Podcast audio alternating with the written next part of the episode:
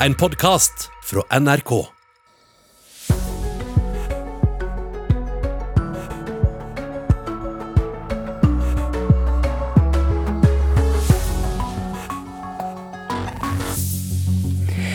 Et autovern skal gjøre veiene sikrere, men hva om de ikke er satt opp riktig? Siden 2005 har feil og mangler ved autovern medvirket til minst 76 dødsfall på norske veier. Under en uke før valget i USA er det opptøyer i Philadelphia etter at en svart mann ble skutt og drept av politiet. Familien hans sier at han var psykisk syk. Politiet sier han holdt en kniv han ikke ville slippe. Nå er 30 politifolk skadet og over 90 pågrepet. Jeg har jo ventet med å fortelle min historie, fordi jeg har hatt alle disse høye stillingene gjennom disse 20 årene. Torbjørn Jagland hudfletter Jens Stoltenberg i en ny bok. Han forteller hvordan relasjonen dem imellom har vært preget av mistenksomhet og mistillit. Når man skal velge seg venner, eller velge en flokk, så velger man også bort noen. Det sier en psykolog som vi har snakket med, som sier at voksne må stille opp, så ikke barn og unge faller nettopp utenfor flokken. Velkommen til Nyhetsmorgen med Ida Creed og Ugo Fermariello her i NRK. Feil og mangler ved autovern har medvirket til minst 76 dødsfall mellom 2005 og 2018. Det viser en gjennomgang NRK har gjort av ulykkesrapporter fra Statens vegvesen. Pårørende mener mange av dødsfallene kunne vært unngått, og at oppfølgingen av autovern er for dårlig. Da bilen kjørte av veien og traff autovernet, brettet rekkverket seg sammen og kom inn gjennom frontruta. Einar, som satt i baksetet, fikk autovernet i hodet og døde på stedet. NRK har funnet 71 ulykker der feil og mangler ved autovernet var medvirkende til dødsfallet. Mange av de samme feilene gjentar seg år etter år. Rapporten etter ulykken i Hallingdal konkluderte blant annet med at firmaet som hadde satt opp autovernet, hadde kappet noen av stolpene til rekkverket for kort, og at det var manglende kontrollsystem med arbeidet som var gjort. Vegvesenet innfører nå en sertifiseringsordning for dem som monterer autovern. Det sa reporter Erlend Rønneberg. Firmaet som satte opp dette autovernet beklager overfor familien, og det blir mer om denne saken etter klokken sju her i Nyhetsmorgen. Torbjørn Jagland, tidligere statsminister og Arbeiderpartileder, lanserer selvbiografien sin i dag. I hvert fall første bind. Og denne boken handler om tiden frem til 2002. Og her går han til angrep på Jens Stoltenberg. Nå er jeg fri til å fortelle, sier han. Jeg har jo ventet i 20 år med å fortelle min historie. Fordi jeg har hatt alle disse høye stillingene gjennom disse 20 årene, så jeg syns det ikke passet seg å, å komme med noe mens jeg var i den situasjonen. Men nå er jeg fri til å fortelle, og, og det har vært en, i grunnen en lettelse. Jagland var partileder i ti år, fram til han gikk av i 2002, da Stoltenberg overtok. Forholdet mellom de to var dårlig, etter hvert iskaldt. I boka skriver Jagland. Det har vært mange kamper opp gjennom årene om hvem som skulle bli partiets ledere. Men det har alltid vært avgjort ved hjelp av en valgkomité som la frem sin innstilling for landsmøtet. Her hadde noen i en leilighet på Bislett oppnevnt seg selv som valgkomité og startet arbeidet med skifte av leder anonymt ved hjelp av pressen. Stoltenberg skriver i sin selvbiografi at han var med på dette. Det slår ned i hodet mitt som en bombe, skriver Jagland. Det var TV 2 som først siterte boka. Han kritiserer også Stoltenberg for å gå inn i saker uten å tenke på konsekvensene. Men boka er først og fremst en fortelling om opphav og oppvekst, ifølge Jagland. Det er en fortelling om hvordan jeg så eh, vanlige arbeidsfolk brukte sine stemmesedler til å skaffe seg makt og eh, det er da blitt en fortelling om hvordan jeg syns at Arbeiderpartiet har forvaltet disse stemmesedlene. Torbjørn Jagland i går. Jens Stoltenberg sier gjennom sin rådgiver at han ikke har noe å tilføye utover hva han allerede har fortalt i sin bok om tiden som norsk politiker og statsminister. Reportere var Katrin Hellesnes og Camilla Heiervang, og noen har allerede fått leseboken, bl.a. vår politiske kommentator Lars Nehru Sand, som kommer til Nyhetsmorgen om en halvtimes tid.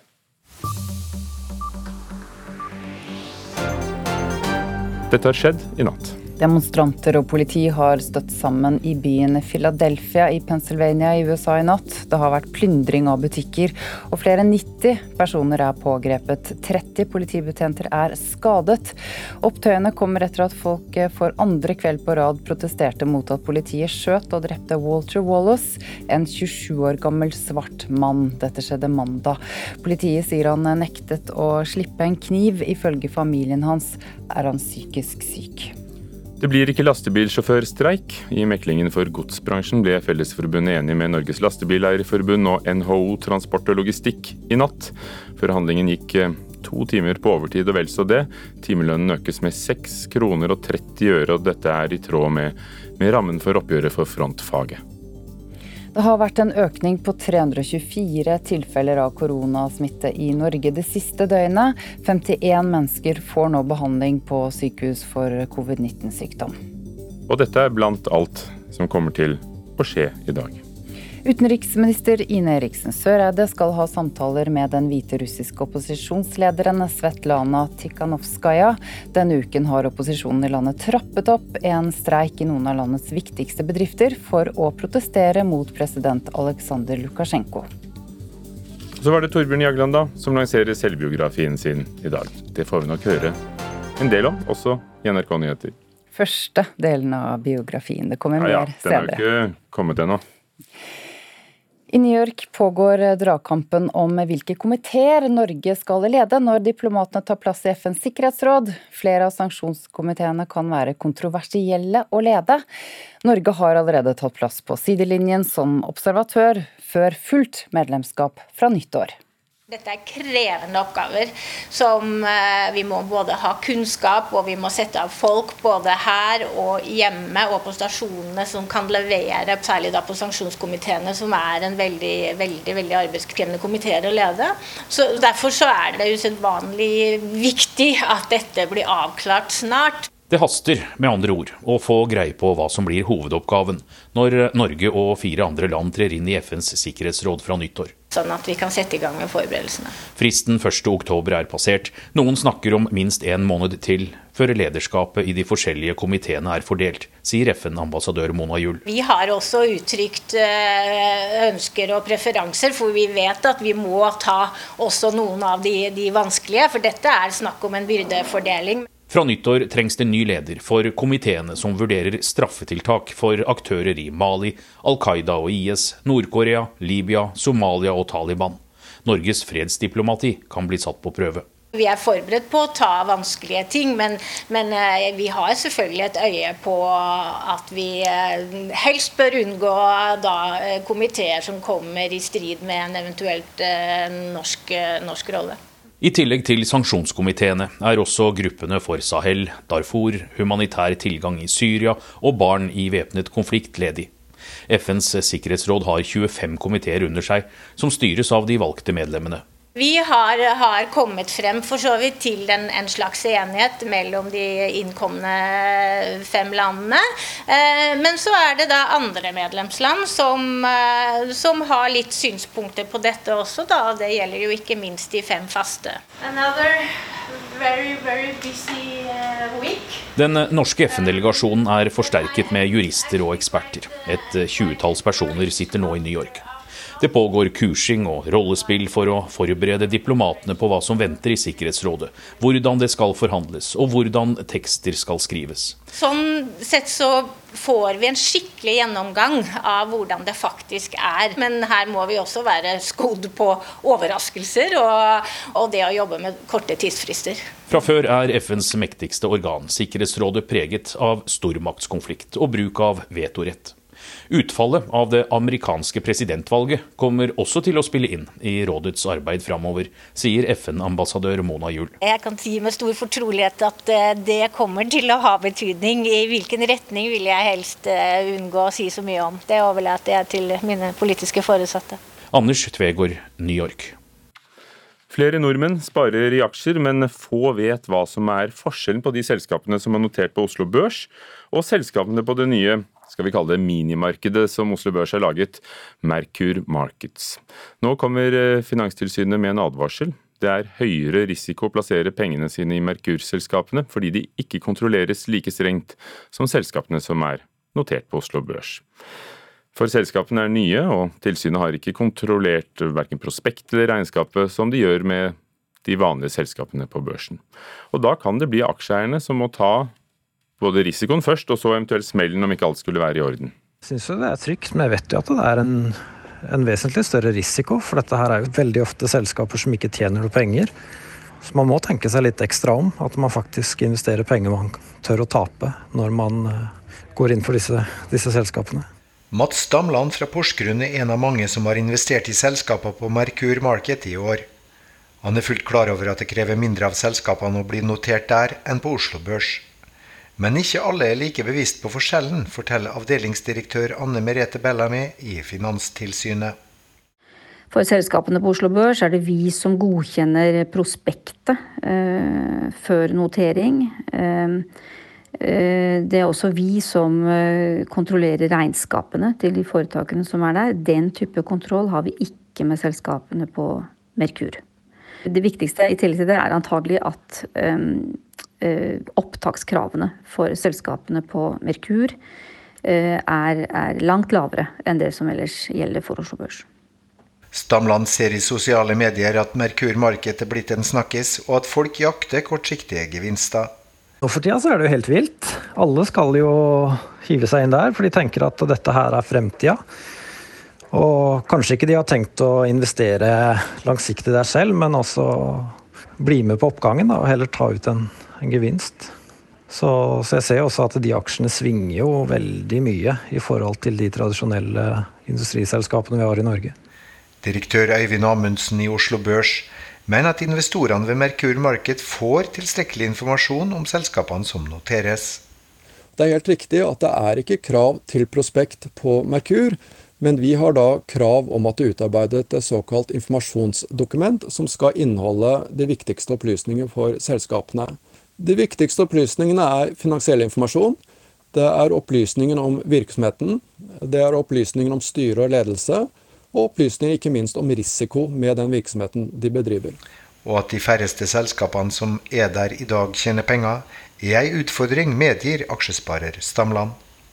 Det er jo en usikkerhet, rett og slett pga. at de, de, fleste av disse selskapene tjener jo ikke penger i dag. Og Det er jo det aksjonærene er opptatt av. Det er jo å få avkastning for pengene sine. Og reportere var eh, Sofie Lork Falk, Trond Lydersen og Johan B. Settem som fortalte om Merkur Markets og risikoen Finanstilsynet mener at folk tar.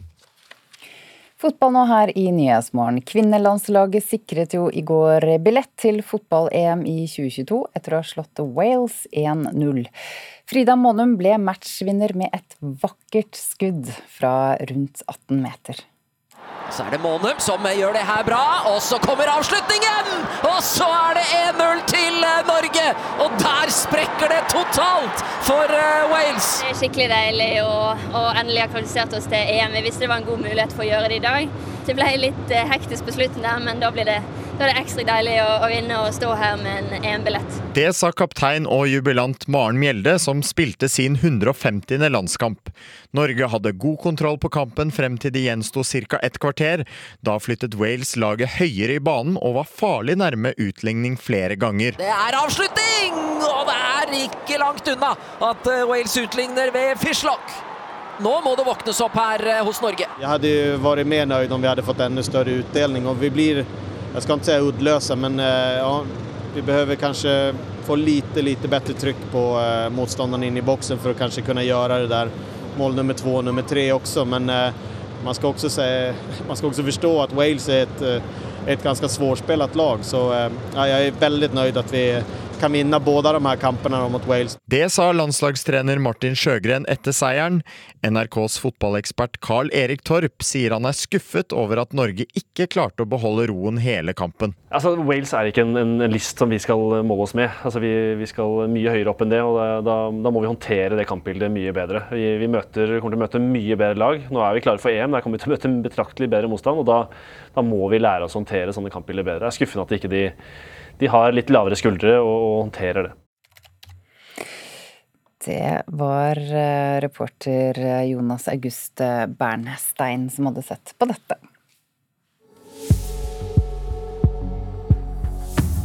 Klokken er kvart på syv. Dette er Nyhetsmorgen i NRK, og blant hovedsakene og nyhetene i dag Feil og mangler ved autovern har medvirket til minst 76 dødsfall mellom 2005 og 2018. Det viser en gjennomgang NRK har gjort av ulykkesrapporter fra Statens vegvesen. Det er oppgjør blant gamle Arbeiderpartiledere. Torbjørn Jagland refser Jens Stoltenberg i selvbiografien Jagland gir ut i dag ta med noe av det siste fra nyhetsbyråene, nemlig at arbeidsløsheten blant svensk ungdom er nå på 27,1% og det er blant det høyeste siden 1930-tallet, melder SVT. For andre kveld på rad har det vært eh, demonstrasjoner og så sammenstøt mellom politiet og demonstrantene i Philadelphia i USA etter at Walter Wallace, en 27 år gammel svart mann, ble skutt og drept av politiet mandag. Politiet sier at han nektet å slippe en kniv han holdt. Familien sier at politiet burde vite at han led av psykisk sykdom etter å ha besøkt hjemmet flere ganger.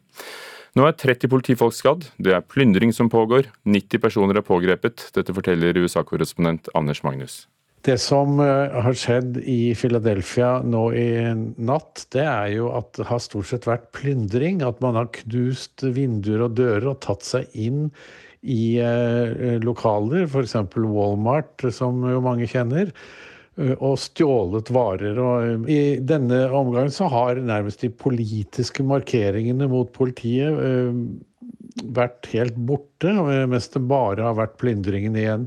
Så det er jo et, et, annet mønster, og noe som kan selvfølgelig gi eh, fart til dette lov og orden-budskapet til president Donald Trump.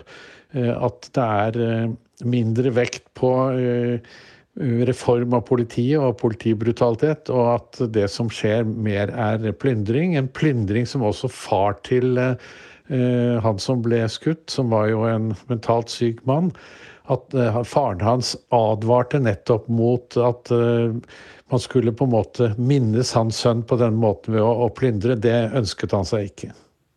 Anders Magnus i USA.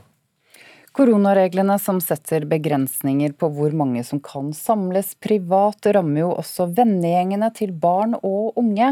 Psykolog og tidligere barneombudet Reidar Gjerman frykter at dette kan skape enda større ensomhet og utenforskap.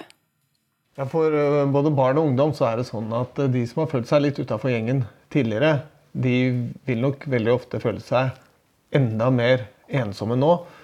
Eh, det er noe med at når eh, man skal velge seg venner, eller velge en flokk, så velger man også bort noen.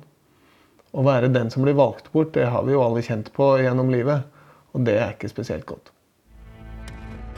Hver uke sitter tusenvis av barn og voksne og ser på NRKs Stjernekamp eller TV 2s Skal vi danse. Adrian! Og da ser de folk som blir stemt ut, sendt hjem fra programmet. I prinsippet er dette det samme, men det kan oppleves på en annen måte likevel, sier Gjerman. Det å bli eh, valgt ut, akkurat som i en TV-reality, det er eh, selvfølgelig problematisk hvis det dreier seg om at man er en venn som blir valgt bort. Så mens de som er med på Skal vi danse eller Idol, eh, har valgt selv å bli med i denne konkurransen, så har ikke barna selv noe valg. Så når de blir stemt hjem, så føles det nok ganske vanskelig. I kveld skal det tidligere barneombudet snakke for barne- og ungdomsarbeidere over hele landet i et digitalt foredrag. Temaet er problemene som koronalivet skaper for barn og unge, og da kommer han med klare utfordringer til foreldre og voksne ledere. De konkrete rådene handler om å snakke med barna og ungdommene om eh, den situasjonen som de er i.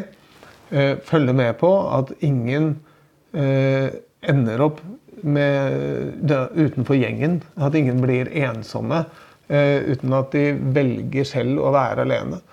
Eh, det er utrolig viktig at voksne nå tar ansvaret i denne situasjonen og hjelper ungdommene og barna til å navigere gjennom det som jo for veldig mange fortoner seg som et kaos. Altså Vi kan komme til å leve med dette kanskje et år eller to framover. Er vi rusta for å takle det? Ja, vi er rustet til å takle eh, belastninger Mennesket er utrolig robust. Og hvis det blir lagt godt til rette, så kommer vi til å takle dette også. Ehm, det blir vanskelig. Og for noen så er jo eh, julefeiringa en belastning i utgangspunktet. Rett og slett fordi at eh, alle følelser blir så veldig forsterket, også de negative.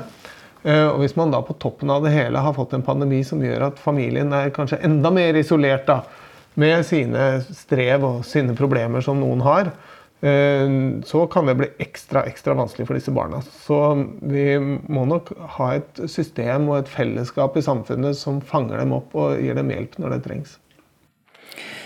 Klare råd her fra psykolog, psykolog Reidar Gjermann. Reporter var Bo Lilledal Andersen. Lufta er for alle. Og da er det jo synd at eh, så mye av den er fanget inne i isopor. Isopor består nemlig av 98% luft. Og da er problemet at når dette skal brenne, så tar det mye plass osv., men nå kan det være en løsning. Nye maskiner som presser luften ut av plaststoffet, eh, og da kan det bli mer gjenvinning. Lange fingre av metall river isoporen i småbiter. Den nye maskinen i Øygarden er brutal, men effektiv. Det rives jo fra hverandre. Så går eh, isoporen eh, ned her i eh, små biter, som så blir behandla med varme og trykk. I løpet av dagen så får vi da skyvd ut disse her store blokkene her. Rikard Saure er vaktleder på gjenbruksstasjonen til Øyvar i Skogsvåg. Der har de testa ut den nye maskinen siden august. Så er det jo det med isopor at den eh, inneholder så mye som 98% luft. Så, eh, så, det er klart tanken her er at man får pressa luften ut av, gjør det til en kompakt masse. Som så kan fraktes eh, økovennlig og økonomisk også fordelaktig til gjenvinningsanlegg. Skoleeleven Rasmus Hammersland på 19 år er den som jobber mest med pressing av isopor. Han er nøye hvis han finner noe som ikke skal i pressa. Jeg sier at det er restavfall fordi at du kjenner forskjellen. Her er jo en Den liker ikke maskina. Isopor, eller EPS som det heter på fagspråket, er rundt oss i hverdagen nesten overalt ekstreme mengder. Det kjenner vi alle til. Og eh, det er så vanvittig mye isopor. Og eh, selvfølgelig, nå har det jo vært litt eh, fokus på strandrydding også rundt om. Og isoporkasse er jo av de tingene som man finner slengt rundt om. Kanskje blir folk frista til å, å foreta lettvinte løsninger. Returselskapet Norsirk har to slike isoporpresser, i Øygarden og i Stavanger. Fagsjef for emballasje, Eva Therese Maritdatter, tror vi kommer til å se mer av dette framover. Vi tror at det er et eh, voksende fokus på gjenvinning av EPS. og Vi tror at dette er starten på en trend. Vi tror det kommer til å bli veldig mye mer vanlig å samle inn og, og presse eh, EPS i større grad i dag enn det har vært gjort tidligere. Vårt mål er jo at mest mulig av avfall som kan gå et sirkulært kretsløp, skal gjøre det. Og da er det jo ekstra inspirerende å jobbe med EPS, som faktisk er eh, veldig lett å materialgjenvinne når du først har fått presset den. Her ser vi jo eh, eksempel på noen eh, ferdige paller. da. Den pallen her har vi lagd trolig fra en eh, container som har vært minst 35 kubikkmeter. Og eh, smikkfull med isopor. Og det klarer vi å komprimere ned til én kompakt palle, som vi ser her. Det er, det er som man, man tror det ikke før man får se det. Rikard Saure ved Øyvars gjenbruksstasjon i Skogsvåg, og reporter var Åge Algerøy. Debutforfatteren eh, Per Marius Weidner Olsen har nå engasjert advokat og varsler erstatningskrav til forlaget Oktober. Tidligere denne måneden kunne NRK fortelle at forlaget brøt samarbeidet med ham da det kom frem at han hadde en dom han ikke hadde sagt noe om. Forlaget opplevde dette som et tillitsbrudd fordi de mente at tematikken i romanen og dommen var overlappende. Advokaten mener forlaget ikke hadde godt nok grunnlag for å heve avtalen med ham. Både det faktum at de urettmessig har hevet avtalen, og også måten de har gjort det på, har eh, for å si det kort og godt eh, skapt en hel del problemer for ham, som vi nå har tatt opp med dem. Det sier advokat Hans Marius Grosvold, som nå er blitt advokaten til forfatteren Per Marius Weidner Olsen. Tidligere denne måneden ble det kjent at forlaget Oktober brøt samarbeidet med forfatteren, og at de ikke kom til å trykke videre opplag av debutromanen Jeg hadde en oppvekst nesten som min egen. Nå har Veidna Olsen gjennom advokaten sin sendt et brev til forlaget med varsel om krav. Et av kravene handler om rettene til boka. Dette er en bok som jo har vært veldig godt eh, mottatt, og som absolutt har livet foran seg. Så vi vil gjerne at han skal få muligheten til å, til å få, å, å få utgitt boken eh, så fort som mulig igjen. Eh, så vi har bedt forlaget om, om en avklaring der. Forlagssjef i forlaget Oktober, Ingrid Engelstad, stadfester at de har fått brevet. Vi har mottatt et brev fra Weidner Olsen via hans advokat, der han ber om å få tilbake rettighetene til boka. Det har han allerede fått tilbud om fra oss ved flere anledninger. Han vil få svar fra oss på brevet som er sendt. Utover dette kan ikke vi kommentere offentlig den dialogen vi har med forfatterne. Det andre varsla kravet handler om økonomisk erstatning for potensielle tap av inntekter. Han går utvilsomt uh, glipp av en hel del uh, royalty-inntekter nå, ettersom forlaget ikke har trykket flere eksemplarer av boka. Den er utsolgt, og nå står uh, jula for dør. og Dette er en bok som sannsynligvis hadde solgt svært bra nå frem mot jul, og, det, og de inntektene de taper han nå. Kontrakten rommer også en agentavtale med Oslo Literary Agency. Dette kunne ha sikra en sal i utlandet. Hvor de nå da også har, eh, har sagt opp den. Resultatet av det er bl.a. at han ikke fikk en eksponering i, eh, i, Frankfurt under bokmessa der. Og det er jo også noe som høyst sannsynlig har påført ham et, eh, potensielt svært stort tap. Og det syns vi det er naturlig å ta opp med forlaget. Heidi Austlid er administrerende direktør i Forleggerforeningen, som Oktober er medlem av. Hun mener det er klokt av forlaget å vise handling.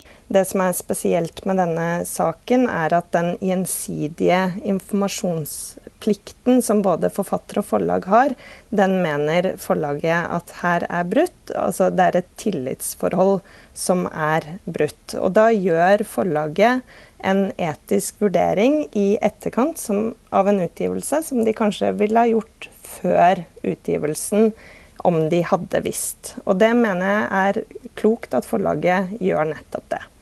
Reporter Ida Yasin Andersen.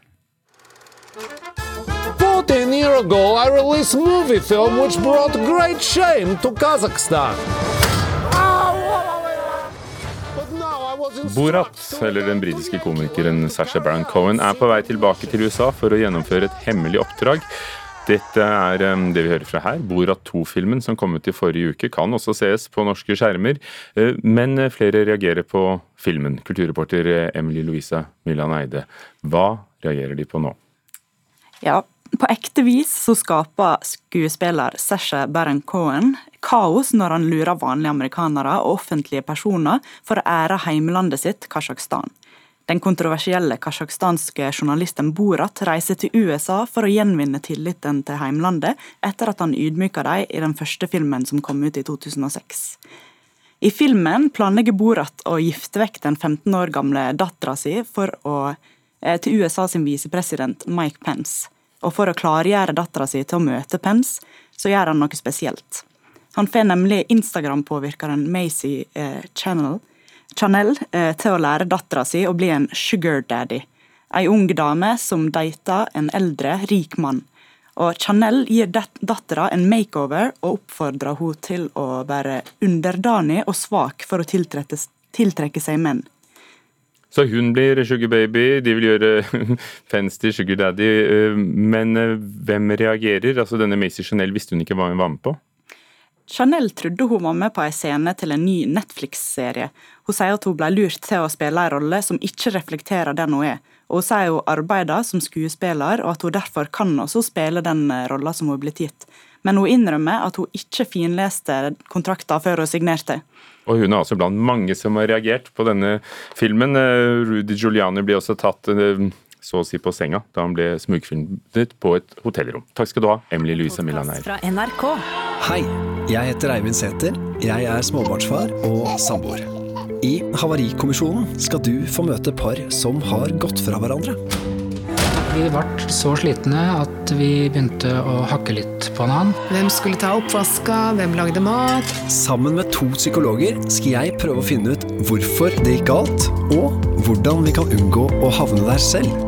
Last ned podkasten Mellom oss og hør serien Havarikommisjonen i appen NRK Radio.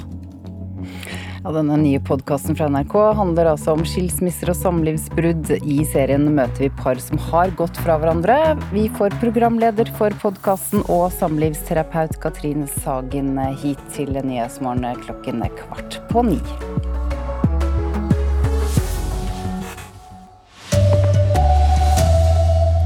Her er NRK Dagsnytt klokka sju. Feil og mangler ved autovern har medvirket til minst 76 dødsfall på norske veier mellom 2005 og 2018. Det viser en gjennomgang NRK har gjort av ulykkesrapporter fra Statens vegvesen. Mange av rekkverkene er montert av private firmaer, og det har ikke vært ført kontroll med arbeidet som er gjort. 17 år gamle Einar døde i en bilulykke på rv. 7 i Hallingdal. Da bilen kjørte av veien og traff autovernet, brettet trekkverket seg sammen og kom inn gjennom frontruta. Einar, som satt i baksetet, fikk autovernet i hodet og døde på stedet. NRK har funnet 71 ulykker der feil og mangler ved autovernet var medvirkende til dødsfallet. Mange av de samme feilene gjentar seg år etter år. Rapporten etter ulykken i Hallingdal konkluderte blant annet med at firmaet som hadde satt opp autovernet, hadde kappet noen av stolpene til rekkverket for kort, og at det var manglende kontrollsystem med arbeidet som var gjort. Vegvesenet innfører nå en sertifiseringsordning for dem som monterer autovern. Reporter her var Erlend Rønneberg, og firmaet som satte opp autovernet beklager overfor familien. Det blir mer om denne saken i Nyhetsmorgen på P2 rett etter Dagsnytt. Det siste døgnet har det vært en økning på 324 meldte tilfeller av koronasmitte i Norge. De to siste dagene er økningen på 757 tilfeller. Til sammen er det nå registrert 18 665 koronatilfeller her i landet. Flere nordmenn sparer i aksjer, men få vet hva som er forskjellen på selskapene på Oslo Børs og selskapene på det nye minimarkedet til børsen, Merkur Markets. Nå kommer Finanstilsynet med en advarsel om at det er høyere risiko å plassere pengene sine i Merkur-selskapene. Opptakskravene for selskapene der er langt lavere, sier avdelingsdirektør Anne Merete Bellamy i Finanstilsynet. For selskapene på Oslo Børs er det vi som godkjenner prospektet eh, før notering. Eh, eh, det er også vi som eh, kontrollerer regnskapene til de foretakene som er der. Den type kontroll har vi ikke med selskapene på Merkur. Det viktigste i tillegg til det er antagelig at eh, opptakskravene for selskapene på Merkur er, er langt lavere enn det som ellers gjelder for Oslo Børs. Ja, Oslo Børs eh, mener investorene i Merkur Markets får tilstrekkelig informasjon. I USA har det i natt vært sammenstøt mellom politi og demonstranter i Philadelphia etter at en psykisk syk mann ble skutt av politiet på mandag. 30 politifolk er skadd og 90 personer er pågrepet. Rundt 1000 personer skal ha plyndret og ødelagt butikker. NRK Dagsnytt, Tone Nordahl.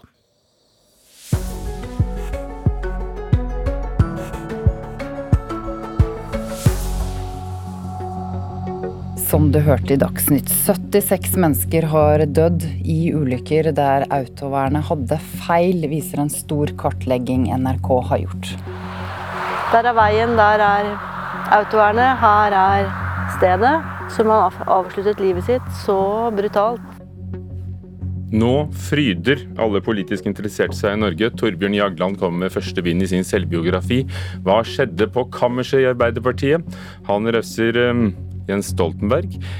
Vår kommentator Lars Nehru Sand har allerede fått lest boken. For ett år siden fikk den lille kommunen Sokndal tidenes yngste ordfører eh, i landet. Vi skal høre hvordan det har gått. Det er Nyhetsmorgen da, i NRK. Først skal vi snakke om eh, feil og mangler ved autovern, som altså har medvirket til at minst 76 mennesker har dødd i trafikken mellom 2005 eh, og 2018. Det viser en stor gjennomgang NRK har gjort av ulykkesrapporter fra Statens vegvesen. Dette arbeidet har tatt flere år. Pårørende mener mange av dødsfallene kunne vært unngått, og at oppfølgingen av autovern er altfor dårlig. Det er jævlig. Det er brutalt. Der er veien, der er autovernet. Her er stedet. Som har avsluttet livet sitt så brutalt. Nina Grønneberg Andresen er tilbake på Torpo langs rv. 7 i Hallingdal. Her har hun ikke vært siden hun og begravelsesbyrået hentet sønnen etter ulykken i 2009. Da bilen Einar satt i traff autovernet, oppførte ikke metallrekkverket seg som det skulle. I stedet for å gi etter og slippe bilen igjennom, brettet det seg sammen til en spiss som kom inn gjennom frontruta. 17 år gamle Einar, som satt i baksetet, fikk autovernet i hodet og døde på stedet. Det var jo så langt han kom i livet sitt, da. Så langt. En gjennomgang NRK har gjort av ulykkesrapporter fra Statens vegvesen, viser at det i perioden 2005 til 2018 var minst 71 dødsulykker der feil og mangler ved rekkverket var medvirkende årsak til dødsfallet. Jeg syns det er fryktelig trist å, å høre om den uh, historien. Jeg kan bare forestille meg det uh, tapet som uh, familien har hatt. Sier divisjonsdirektør i Vegvesenet Bjørn Laksforsmo. Ulykkesrapporten fra Torpo slår fast at rekkverket var av en type som ikke burde vært brukt på denne strekningen. Noen av stolpene rekkverket var festet til, var kappet for kort, og ifølge rapporten var det manglende kontrollsystem med arbeidet som var gjort. Det, det har vært jobba mye med kontrollaktiviteten i Vegvesenet, men det er et av de områdene vi nok ikke har vært gode nok på. Mange av de samme feilene gjentar seg år etter år, ifølge ulykkesrapportene. Laksforsmo innrømmer at rapportene ikke har vært fulgt godt nok opp, og sier at manglende koordinering er noe av forklaringen. Fra i år har Vegvesenet innført kompetansekrav til dem som skal montere rekkverk. Det er gjort mye, eh, men det er fortsatt sånn at vi arbeider videre med dette. her. Eh, fordi at vi har en nullvisjon. Vi skal jobbe for å redusere eh, antall drepte og hardt skadde enda mer, og helt ned til null. Familien til Einar er sterkt kritisk til at dårlige autovern har fått fortsette å medvirke til dødsulykker i mer enn ti år etter at han døde. Nina synes fortsatt ulykken er vanskelig å ta inn over seg. Det er, det er vanskelig å forstå, men man må bare forstå det. Det er bare akseptere. Sånn er det faktisk. Da. Men øh, det går ikke an å godta det. Nei. Reporter var Erlend Rønneberg og Lars Hegeland. Geir Tangstad Holdal, daglig leder i Trafikksikkerhetsforeningen, god morgen. God morgen. Dere er altså bransjeforeningen for eh, mange av disse entreprenørbedriftene som utfører disse oppdragene, setter opp rekkverk langs eh, norske veier. Hvorfor er det så mange feil? Det er fordi at eh, vi fortsatt ikke har noe krav til de som skal utføre den jobben. Eh, de rekkverksgruppene som sitter opp rekkverket. Så Vi i Trafikksikkerhetsforeninga ble jo danna med bakgrunn i at våre medlemsbedrifter nettopp ønska den kompetansen inn. Og Derfor har vi også da jobba nå i flere år med å få dette inn i Nasjonal tiltaksplan for trafikksikkerhet som et av tiltakene. Men Hvordan kan dere føle påta dere oppdrag når dere ikke føler at dere har kompetanse til å utføre det? Våre medlemsbedrifter har absolutt kompetanse til å gjøre dette. Disse medlemsbedriftene har jo tatt initiativet til at vi skulle få dette inn som et krav. og Høyre Statens vegvesen sier at dette kravet er inne nå, men dessverre vi har ikke kommet så langt. Så Vi ønsker jo at Statens vegvesen og Nye Veier som byggherre skal få dette inn som kompetansekrav når de legger ut eh, anbud. Men våre medlemsbedrifter, for å gå tilbake til de, de har sett at det har vært en del la oss kalle det for cowboyvirksomhet, alle sammen kjenner begrepet. Og sett at det har vært eh, selskaper som har tatt på seg jobb som ikke har hatt den kompetansen. Og de har sett at de har kunnet lagt inn tilbud som har vært mye lavere enn de som faktisk har tatt på seg den eh, utgiften med å få opp kompetansen til sine ansatte. Og det er der du sier at Hvis det hadde vært formelle krav fra oppdragsgiver, så ville ikke la oss si, cowboyselskaper fått oppdraget? Det stemmer. For dette krever kompetanse, det krever altså investering i hver enkelt medarbeider. Og Dette ser vi jo også dessverre i, i, på andre samfunnsområder i, i Norge. Det, For det er klart, Hvis du skal bygge et hus, så har håndverkere ansvarsrett. Er du rørlegger, så er det klart at hvis det går galt, så kan det bli en oversvømmelse, og det er ikke like alvorlig som i deres tilfelle. Men hva med kontrollvirksomheten? Burde det vært en kontrollvirksomhet av ferdig utført arbeid av oppdragsgiver? Absolutt, og der ser vi jo at det fortsatt er mangler ved den kontrollen. Og Én ting er jo at det er satt opp feil rekkverk, en annen ting er jo at det mangler med rekkverk, dårlig vedlikehold. Så vi ser jo fortsatt i 2019 at det var 16 dødsulykker som skjedde, eh, som ulykkesanalysegruppa ulykkesanalysegruppen mener kunne vært unngått hvis eh, rekkverket hadde vært riktig. Så jeg ser jo også i reportasjen tidligere som er lagt ut på nettet nå på nrk.no, at Statens vegvesen sier at det går igjennom alt sammen, og at det følger dagens krav. Eh, det kan ikke stemme. Vi har vært ute og kjørt i hele sommer, og vi har dokumentert med bilder rekkverket rundt omkring på riksveier i Norge er dessverre ikke bra nok. Så det kan være satt opp feil, det kan være spesifisert feil rekkverk, og det kan være manglende vedlikehold. Så ansvaret er egentlig ganske pulverisert? Nei, egentlig ikke. Det er jo Statens vegvesen til syvende og sist som har ansvaret for, for riksveiene. Og også i Nasjonal transportplan nå som inneværende, som går til, fram til 2029, så skal jo det gjennomskås 1500 km riksvei for å se på at, at rekkverket fungerer som det skal. Og Vi er på kraftig etterskudd, og der sier også Statens vegvesen at de mangler ressurser. Så nullvisjon og det delte ansvaret er klart. Trafikantene har sitt ansvar, men også veimyndighet, både faglig og politisk, har sitt ansvar for at vi får dette på skinner igjen. Og dere har deres ansvar som utførende entreprenør? Absolutt. Takk skal du ha. Geir Tangstad Holdal, daglig leder i Trafikksikkerhetsforeningen.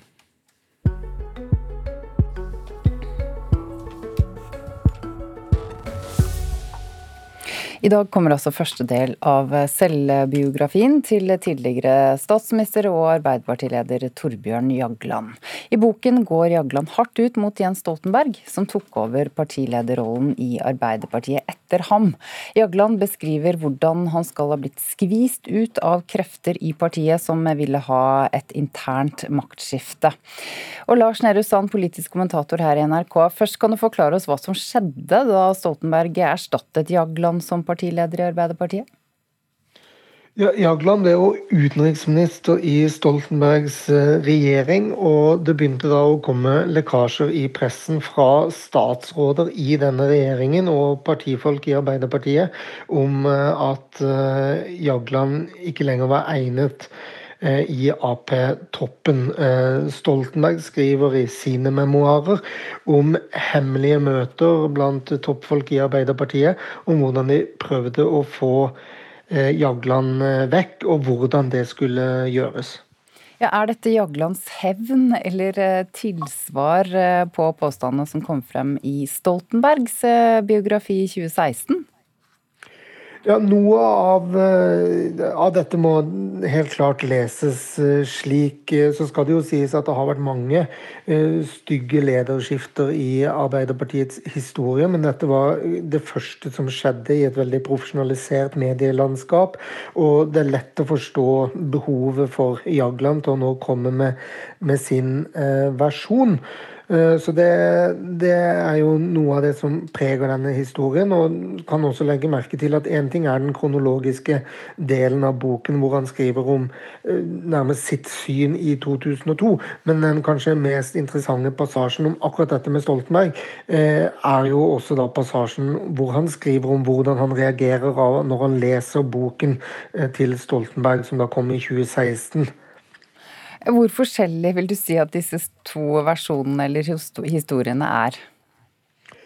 De bærer mest eh, naturlig nok eh, preg av at de to eh, har hatt ulik kunnskap om situasjonen, rett og slett fordi de har hatt ulik agenda der og da. De har møtt ulike folk og gjort ulike ting fordi den ene ville bli kvitt den andre. Eh, men så skal det jo også legges til at Jagland både i denne eh, situasjonen og om andre steder i sitt politiske virke skriver lite om sin taktikk og hva han gjorde på, på sin side. Men, men her da, som du sa i tidligere spørsmål, kommer mer med sin versjon av Eh, av den offisielle historien slik det er blitt, da, eh, om den opprivende krangelen mellom de to. Er det andre historier som vekker oppsikt eh, i Jaglands bok? Kanskje spesielt historien om da han måtte avsette Grete Faremo som statsråd. Ikke fordi hun nødvendigvis hadde gjort noe galt, men fordi hun eh, burde, eller eh, ja, kanskje visste, eller burde ha visst om, eh, om en overvåkningshistorie. Det har jo blitt sett på som en av de mer brutale statsrådsavgangene i norsk politisk historie.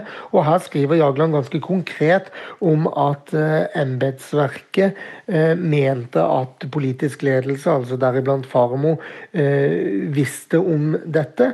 Og han skriver at det var et dokument som var til sirkulasjon, hvor man da signerer når man har lest, lest brevet og hvor det var sladdet eh, hvem som da hadde signert i politisk ledelse.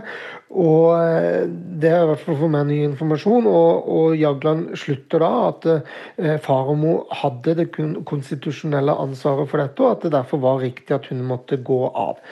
Eh, andre ting som jo er kjent der, fra hans karriere, er uh, dette ultimatumet til velgerne om at Arbeiderpartiet måtte ha en oppslutning på 36,9, hvis ikke så ville han gå av. Der skriver Jagland at han ikke angrer på det, og mener det var riktig fordi det bidro til en mobilisering for Arbeiderpartiet. Ganske typisk som boken er, at Jagland ikke nødvendigvis angrer ting, og heller forklarer hvorfor det var riktig også i ettertid. Eh, kritikken av de uerfarne statsrådene han har utnevnt, så svarer han nærmest på det med å bare spørre at han ikke ville være mindre ambisiøs. Han ønsket å åpne opp politikken, og, og, derfor så er den begrunnelsen som var før, også i ettertid riktig, mener Jagland. Takk, politisk kommentator Lars Nehru Sand. Det skal handle om uh, smittevernreglene, de som uh, kommer nå. Programleder Lilla Sølvesvik i Politisk kvarter, hvordan følger dere opp det? Vi følger opp eh, bl.a. Du hørte kanskje Eva Mari Rakola i Vestvågøy på Dagsrevyen i går. Hun må enten avlyse 40-årslaget sitt eller barbere gjestelista kraftig etter de nye reglene. Og det syns jo er litt rart all den tid Vestvågøy ikke har hatt et smittetilfelle siden august. Faktisk er det 175 andre kommuner som heller ikke har hatt smitte, men det er jo sånn at disse reglene de skal gjelde overalt. Useriøst av regjeringen, mener Senterpartiets Kjersti Toppe, som eh, skal være med hos oss. Hun møter helseministeren.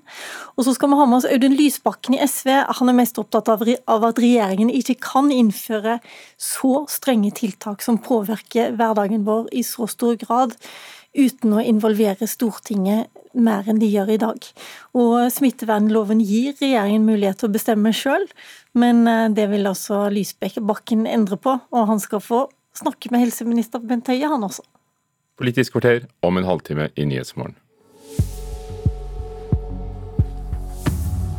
Klokken er 16 minutter over sju. Dette er NRKs Nyhetsmorgen, og vi har disse hovedsakene nå. Feil og mangler ved autovern har medvirket til 76 dødsfall de siste 15 årene. Det vil ikke være nok vaksiner mot koronaviruset til alle i Europa før i år 2022. Reporter Halvard. Sandberg kommer for å fortelle mer om det litt senere i sendingen. Han er vår reporter som følger med på smittesituasjonen. Frankrikes president Emmanuel Macron forsvarer ytringsfriheten og har dermed lagt seg ut med Tyrkias president Erdogan og andre muslimske ledere. Vi hører om bakgrunnen ganske snart. I USA har det vært opptøyer i Philadelphia for andre kveld på rad. Det begynte med at folk demonstrerte etter at eh, Walter Wallace ble skutt og drept av politiet mandag. Han holdt en kniv han ikke ville gi slipp på, sier politiet. Familien hans hevder at politiet burde visst at han var psykisk syk. De hadde vært hjemme hos dem flere ganger.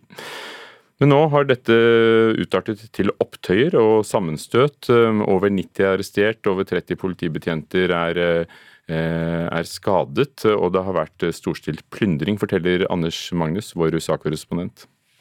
I dag har det vært uh, veldig annerledes enn uh, de uh, demonstrasjonene vi har sett så mange steder i USA tidligere, hvor folk har strømmet til i gatene, holdt opp plakater, ropt slagord mot politibrutalitet. Det som har skjedd i Philadelphia nå i natt, det er jo at det har stort sett vært plyndring. At man har knust vinduer og dører og tatt seg inn i eh, lokaler, f.eks. Walmart, som jo mange kjenner, eh, og stjålet varer. Og enkelte steder så har jo eh, butikkeierne opplevd at hyllene deres har blitt ribbet for andre gang, for det jo, har jo vært plyndring her under tidligere demonstrasjoner og opptøyer også. Men i denne omgangen så har nærmest de politiske markeringene mot politiet vært helt borte, mens det bare har vært plyndringen igjen. Så det er jo et, et, annet mønster, og noe som kan selvfølgelig gi fart til dette lov og orden-budskapet til president Donald Trump. At det er mindre vekt på reform av politiet og politibrutalitet, og at det som skjer mer er plyndring. En plyndring som også far til eh, han som ble skutt, som var jo en mentalt syk mann, at eh, faren hans advarte nettopp mot at eh, man skulle på en måte minnes hans sønn på den måten ved å plyndre. Det ønsket han seg ikke. Og så er det under én uke igjen til presidentvalget, og de to kandidatene farter rundt og forsøker å kapre velgere. Joe Biden har vært i den vanligvis republikanske delstaten Georgia. Hvilke forhåpninger kan demokratene gjøre seg der? Det er jo litt spesielt at Biden bruker en av sine ganske få uh, valgmøter til å dra til Georgia. Hvor de, uh, som du sier, uh, har republikanerne stort sett hatt flertallet der. Så det er jo tegn som da tyder på at den demokratiske valgkamporganisasjonen mener at de har sjanser til å få eh, vendt eh, Georgia over på demokratisk side. Og det vil jo være oppsiktsvekkende. Og eh, hvis det skulle skje, og vil, vil jo da støtte eh, en, et Biden-flertall blant valgmennene ganske solid. og det er jo dette man håper på nå, da. Og Biden var veldig optimistisk da han holdt tale der. Og han holdt en tale som var veldig preget av forsoning, snakk om enhet, og at dette var de forente stater eh, i USA. Og at man nå eh, At han ville, eh, hvis han ble valgt, bli en president for hele nasjonen. Trump derimot har vært i Michigan, Wisconsin og Nebraska, og, og til og med han ber folk om å dra og stemme. Det er klart at uh, Trump trenger uh, å sette litt fart i uh, kjernevelgerne sine. Det er vel først og fremst de han kan håpe på vil møte opp ved valglokalene fordi han nå reiser rundt og oppildner dem til å gjøre det. Også få noen flere uavhengige og usikre velgere med på laget med den oppførselen han har på disse valgmøtene, og det er det vel færre som eh, tror på. Han er jo bl.a. blitt kritisert fra sine egne her. Anders Magnus i USA. Frankrike vil ikke gi opp sine karikaturer, sa den franske presidenten Emmanuel Macron etter det brutale drapet på læreren Samuel Paty 16.10. Drapet kobles til at Paty hadde vist frem Mohammed-karikaturene i undervisningen. Samuel Paty fut tué parce que les islamistes veulent notre futur. Macron sier eh, Samuel Paty ble drept fordi islamistene er ute etter vår eh, fremtid. Og Macrons eh, tydelige forsvar av Mohammed-karikaturene har jo provosert kraftig i den muslimske verden.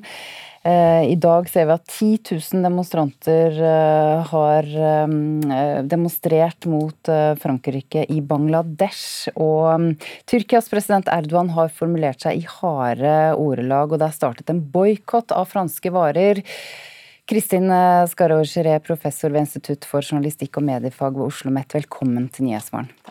Macron har også sagt at uh, islam er en religion i krise, og varslet at han vil trappe opp kampen mot radikale og ekstreme muslimer. Hvorfor er dette så provoserende? Vi ser at allerede før dette bestialske drapet på Samuel Paty den 16.10, så hadde president Macron skjerpet diskursen sin, retorikken sin, ordelaget sitt, kraftig mot uh, muslimer, eller de ytterliggående uh, islamistene. Uh, og det vakte jo da oppsikt når han påstår at islam er i krise over hele verden. Mange føler jo at det er med på å stigmatisere muslimer, både innad i Frankrike, og så ser vi jo nå at han har satt fyr på et svært bål også internasjonalt internasjonalt. Sist fredag så ble de omstridte karikaturtegningene eh, satt opp som store lysbilder, eh, nærmest som hologrammer, på en rekke eh, fasader på franske offentlige bygninger. og Det er jo også med på å, å provosere ytterligere. og Vi ser jo da at Tyrkia og Erdogan har satt seg i førersetet når det gjelder å, å kritisere Frankrike og Macrons strategi. Hvor, hvor, stor del av Frankrikes befolkning er muslimer, og hvor synlige er de? Eh, det er anslagsvis mellom fem og seks millioner muslimer i Frankrike, eh, altså godt under 10% av befolkningen. Eh, mange av dem er så mye som fjerdegenerasjons innvandrere fra tidligere franske kolonier, først og fremst i Nord-Afrika såkalte Maghreb. Eh, og mange, særlig unge, føler nok økende frustrasjon over å fremdeles ikke være skikkelig integrert i det franske. Så det er klart at arbeidsledighet, utenforskap og fattigdom ligger her i, i bånn som en forklaring for grobunn for ekstremisme. Eh, en del imamer er ganske synlige i det offentlige ordskiftet, og noen av de har faktisk den siste tiden støttet eh, Macron og sagt at den franske sekulære modellen med det tydelige skillet mellom stat og religion eh, også er grunnlaget for at man kan være muslim eh, i Frankrike. Ja, Frankrike er som du sier et tradisjonelt veldig sekulært samfunn. Hvilken rolle spiller det i denne sammenhengen? Den eh, franske sekulære modellen er helt sentral for å forstå det som foregår nå i Frankrike og utenrikspolitisk. Eh, den er av og til litt vanskelig å få grep på utenfra. Den går helt tilbake til 1905, da skillet mellom kirke og stat eh, skjedde i Frankrike etter en lang og hard dragkamp. Og republikkens verdier og ikke minst likhetsbegrepet eh, ligger til grunn. Og det handler jo da først og fremst om at ytringsfrihet står veldig høyt, men også at eh, religion ikke skal ha noen som helst påvirkning på statssystemet og statlige anliggender. Og det eh, er liksom grunnlaget for også ytrings- og trosfrihet i det franske samfunnet. Macron bidrar til ytterligere polarisering og marginalisering, eh, som uunngåelig vil føre til radikalisering. Eh, ifølge Pakistans statsminister eh, Imran Khan, kan det være at han har rett i det? Det kan være at han har rett i det. Jeg tror Macrons strategi var førsterekke å tenke på det innenrikspolitiske. Det blir nytt presidentvalg allerede i 2022, nå går tiden fort. Og vi ser at Marine Le Pen, som kanskje er hans største motstander, og som ligger langt ut til høyre for Macrons parti, henter inn mye på det som skjer nå med polariseringen mellom ytterliggående muslimer og franskmenn, som går langt for å ta til orde for, for ytringsfriheten. Så at han prøver å posisjonere seg og hente inn velgere som tradisjonelt vil være lenger til høyre, eh, er helt klart. Og så kan det være at han ikke hadde sett hvor eksplosivt dette skulle bli eh, internasjonalt. Ja, Tyrkias president Erdogan har sammenlignet måten muslimer i Europa blir behandlet på med folkemordet på jødene før og under andre verdenskrig. Han har også sagt at Macron må sjekke den mentale helsen sin. Hvilke følger får det, følger får det at muslimske ledere da i, i flere andre land sier sånne ting nå, og også oppfordrer til boikott av franske varer? Det med boikott for å ta det først, er veldig alvorlig for Frankrike, som nå er i en dyp økonomisk krise pga. pandemien. Og Spesielt i Tyrkia så er det jo en hel rekke franske varer og, og supermarkedkjeder som står sterkt. Jeg tror jeg likevel kan si at Nato-allierte Tyrkia og Erdogan og Macron er på en måte hverandres drømmefiender, fordi de får fram det de ønsker å være, både symbolet på muslimene internasjonalt og på europeisk sikkerhet fra den franske siden. Takk, Kristin Skarorgere, professor ved Oslo OsloMet. Og nettopp i dag spiller Paris Saint-Germain i Istanbul mot uh, Istanbul-laget, så får vi se hvordan det går. I dag er det ett år siden Jonas Andersen Sayed ble ordfører i Sokndal, helt, helt sør i Rogaland. Norges yngste ordfører, 22 år gammel var han da. Nå er han fylt 23 år, og han ber flere kommuner satse ungt. Ja, for deg så full er i år, ja, deg vil vi gratulere. Til slutt ble det bursdagssang av kollegaene på rådhuset for en litt brydd ordfører, Jonas Andersen Sayed, som nå har blitt 23 år. I dag kan han som ble tidenes yngste ordfører i landet, også markere at det er nøyaktig ett år siden han overtok ordførerkjedet i Sokndal. Jeg merker jo når jeg er utenfor kommunegrensen, så er det jo mange som altså Enten så spør de, eller så vet de at jeg er han, han unge.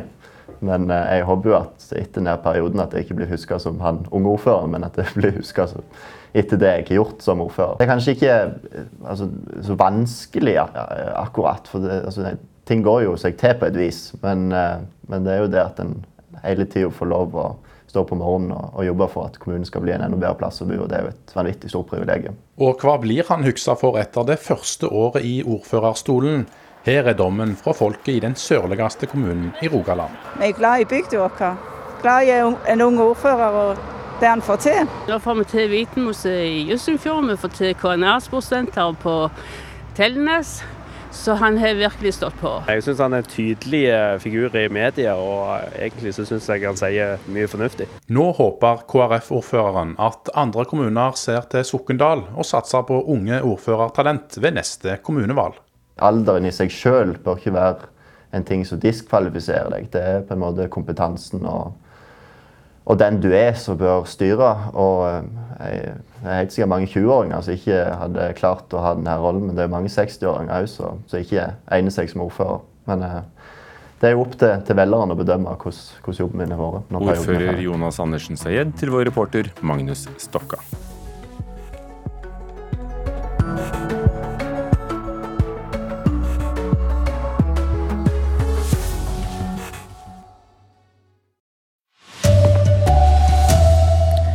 Feil på autovern har medvirket til over 70 dødsfall på norske veier de siste 15 årene. Det er trolig ikke nok koronavaksiner til alle i EU før i 2022. Og Torbjørn Jagland refser Jens Stoltenberg i selvbiografien som han kommer med i dag. God morgen, her er NRK Dagsnytt, klokka er 7.30. Først skal vi høre at feil og mangler ved autovern har medvirket til minst 76 dødsfall mellom 2005 og 2018. Det viser en gjennomgang som NRK har gjort av ulykkesrapporter fra Statens vegvesen.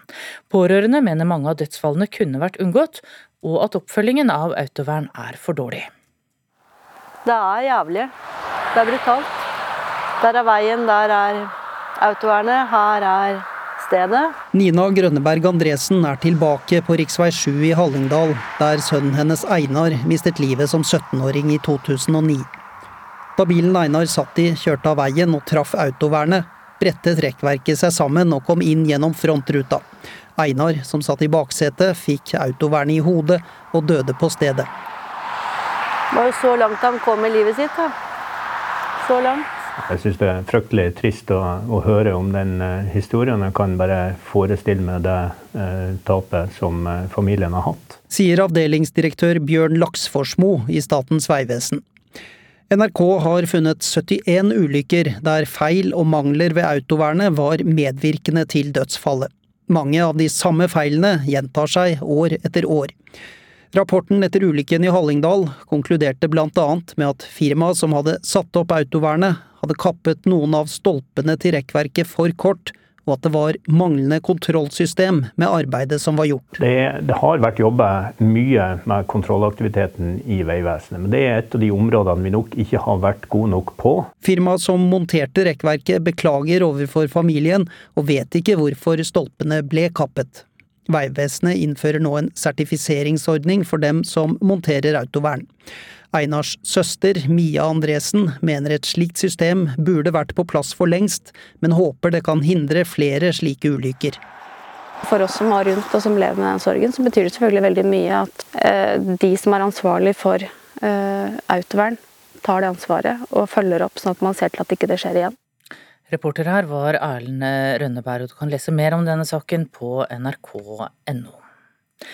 Det er ikke nok koronavaksiner til alle innbyggerne i EU før i 2022. Ifølge nyhetsbyrået Reuters har dette kommet frem i et internt EU-møte. EU har sikret seg mulighet til å kjøpe en milliard vaksinedoser fra tre produsenter.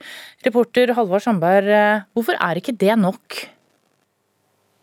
Fordi at eh, man kan ikke vite om alle disse produsentene, disse tre produsentene faktisk kommer til å levere en eh, fungerende vaksine til EU.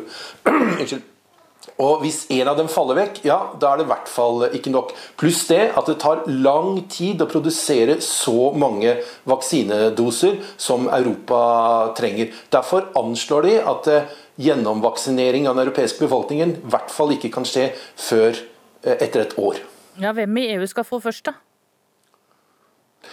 Det er de som trenger det mest, eh, men vi kan ikke vite hvem er det som trenger det mest. For vi vet ikke hvilken vaksine som kommer til å komme først, når de kommer på markedet. Det er egenskapene til vaksinene som bestemmer hvem som får først. Men det er jo opplagt at eh, de eldre og de utsatte gruppene er de som kommer til å bli prioritert. Når kan den første vaksinen være klar, i beste fall?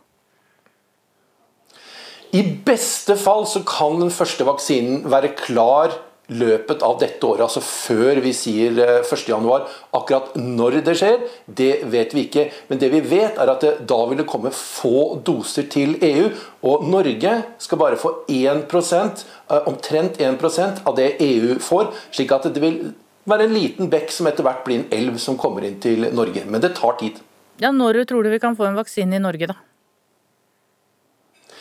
De aller mest optimistiske projeksjonene eller fremtidsutsiktene fra norske myndigheter er at i januar så kan vi kanskje begynne å vaksinere noen.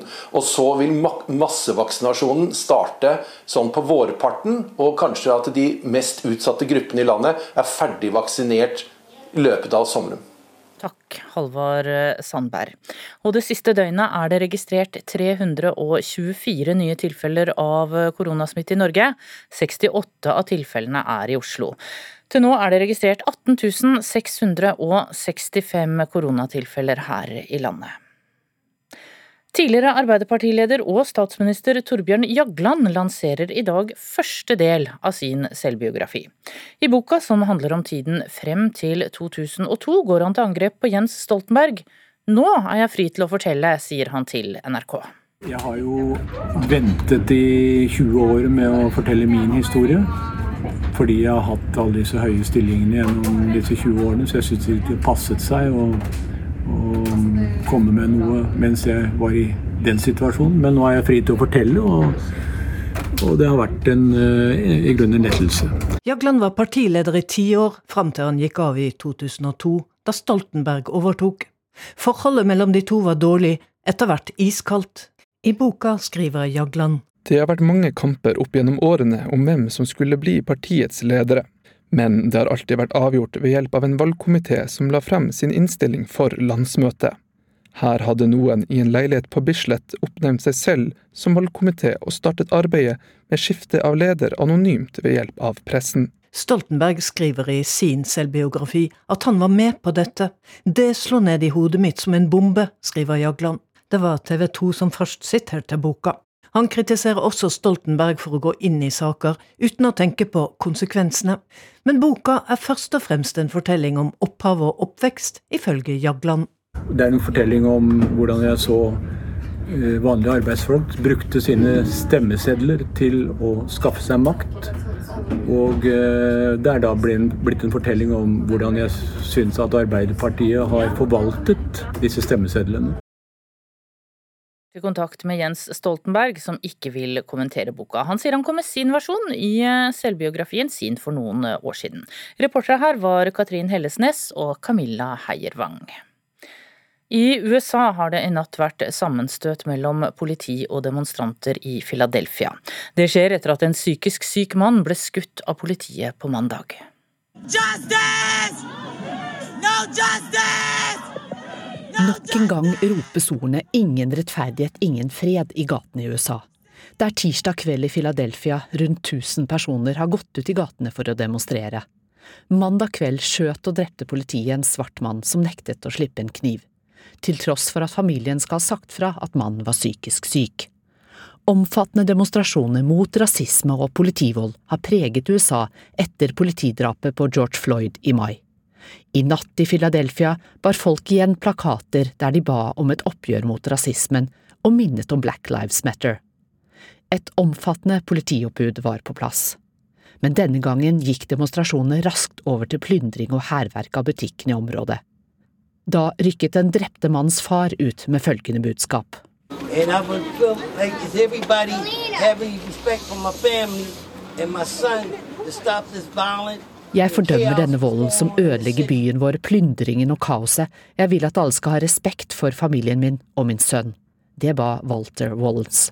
Nærmere 100 personer er pågrepet og 30 politibetjenter skadd etter demonstrasjonene. Det sa reporter Anja Strønen.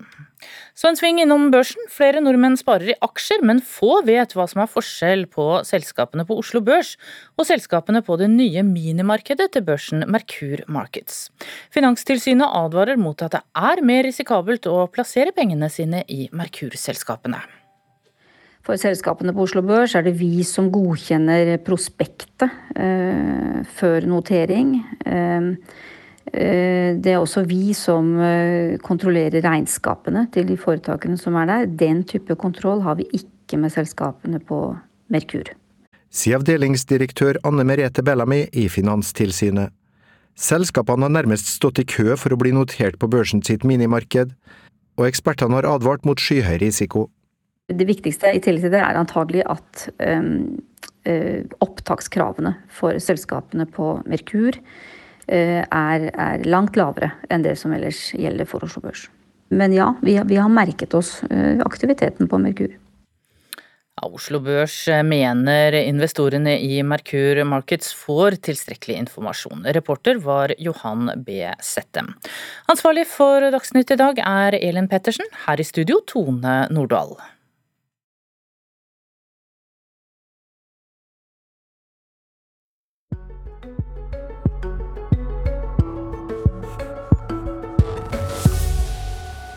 Er flere og flere unge under 30 år som får sosialhjelp, og det er en utvikling som bekymrer Nav-ledere over hele landet.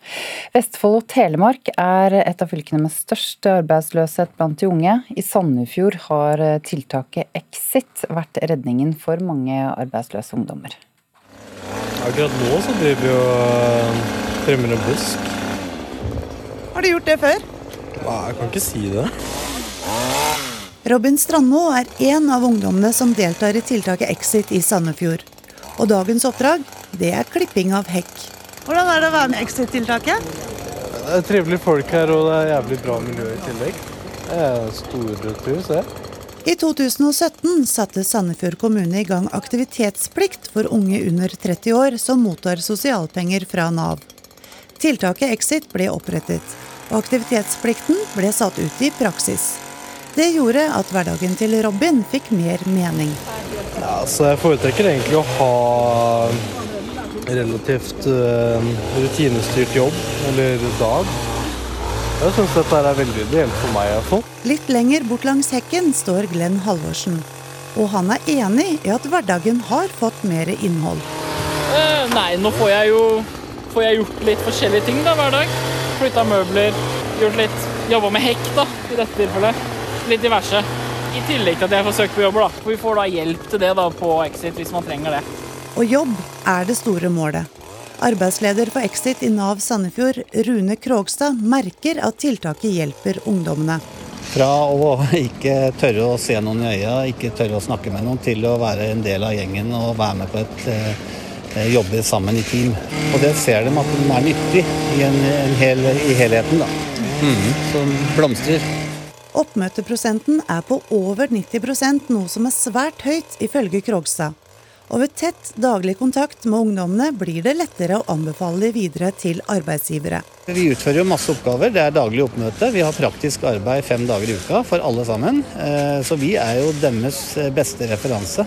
Exit og et samarbeidsvillig næringsliv har ført til at 150 ungdommer har kommet ut i lønnet arbeid siden tiltaket startet i 2017. Men jobben er absolutt ikke over, ifølge leder for Nav Sandefjord, Ole Petter Gravningen. Han er bekymret over ledigheten blant unge. Eh, og jeg er jo ekstra bekymra i disse dager når vi ser utfordringer både knytta til antall som faktisk ikke fullfører videregående opplæring, og ikke minst med den krisa vi har nå med, med, med korona, som gjør at arbeidsmarkedet faktisk har blitt litt trangere også for de som da ikke kanskje har den formelle kompetansen helt i ryggsekken, så ser vi at eh, det er en utfordring, og det, det gjør meg jo ekstra bekymra. Det jobbes med å utvide tilbudet slik at flere ungdommer kan ta del i Exit.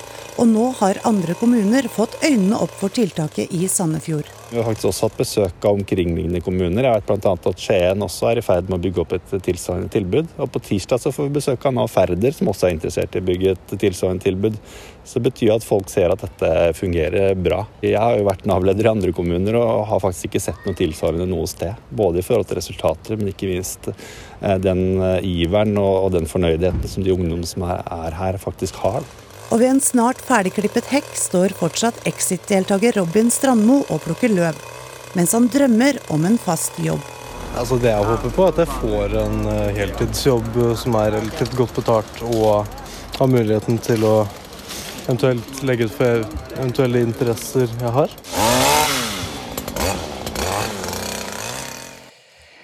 Reporter her var Guro Hatlo, og i dag melder SVT at arbeidsløsheten blant svensk ungdom nå er på 27,1% og det er det høyeste tallet siden 1930-tallet, melder også SVT i dag. Straks er det Politisk kvarter med Lilla Sølhusvik, der det skal handle om koronatiltakene. Ellers er dette hovedsakene denne morgenen. Feil ved autovern har medvirket til over 70 dødsfall på norske veier de siste 15 årene. Det er sannsynligvis ikke nok eh, koronavaksiner til alle innbyggerne i EU før i år 2022. Og Torbjørn Jagland refser Jens Stoltenberg i eh, selvbiografien eh, sin, som utgis i dag. Første del av den.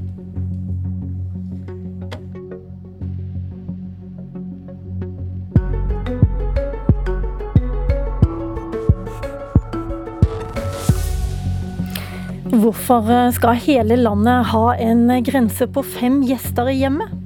Regjeringen ba ekspertene om råd, men ingen av dem foreslo dette. Useriøst, mener Senterpartiet.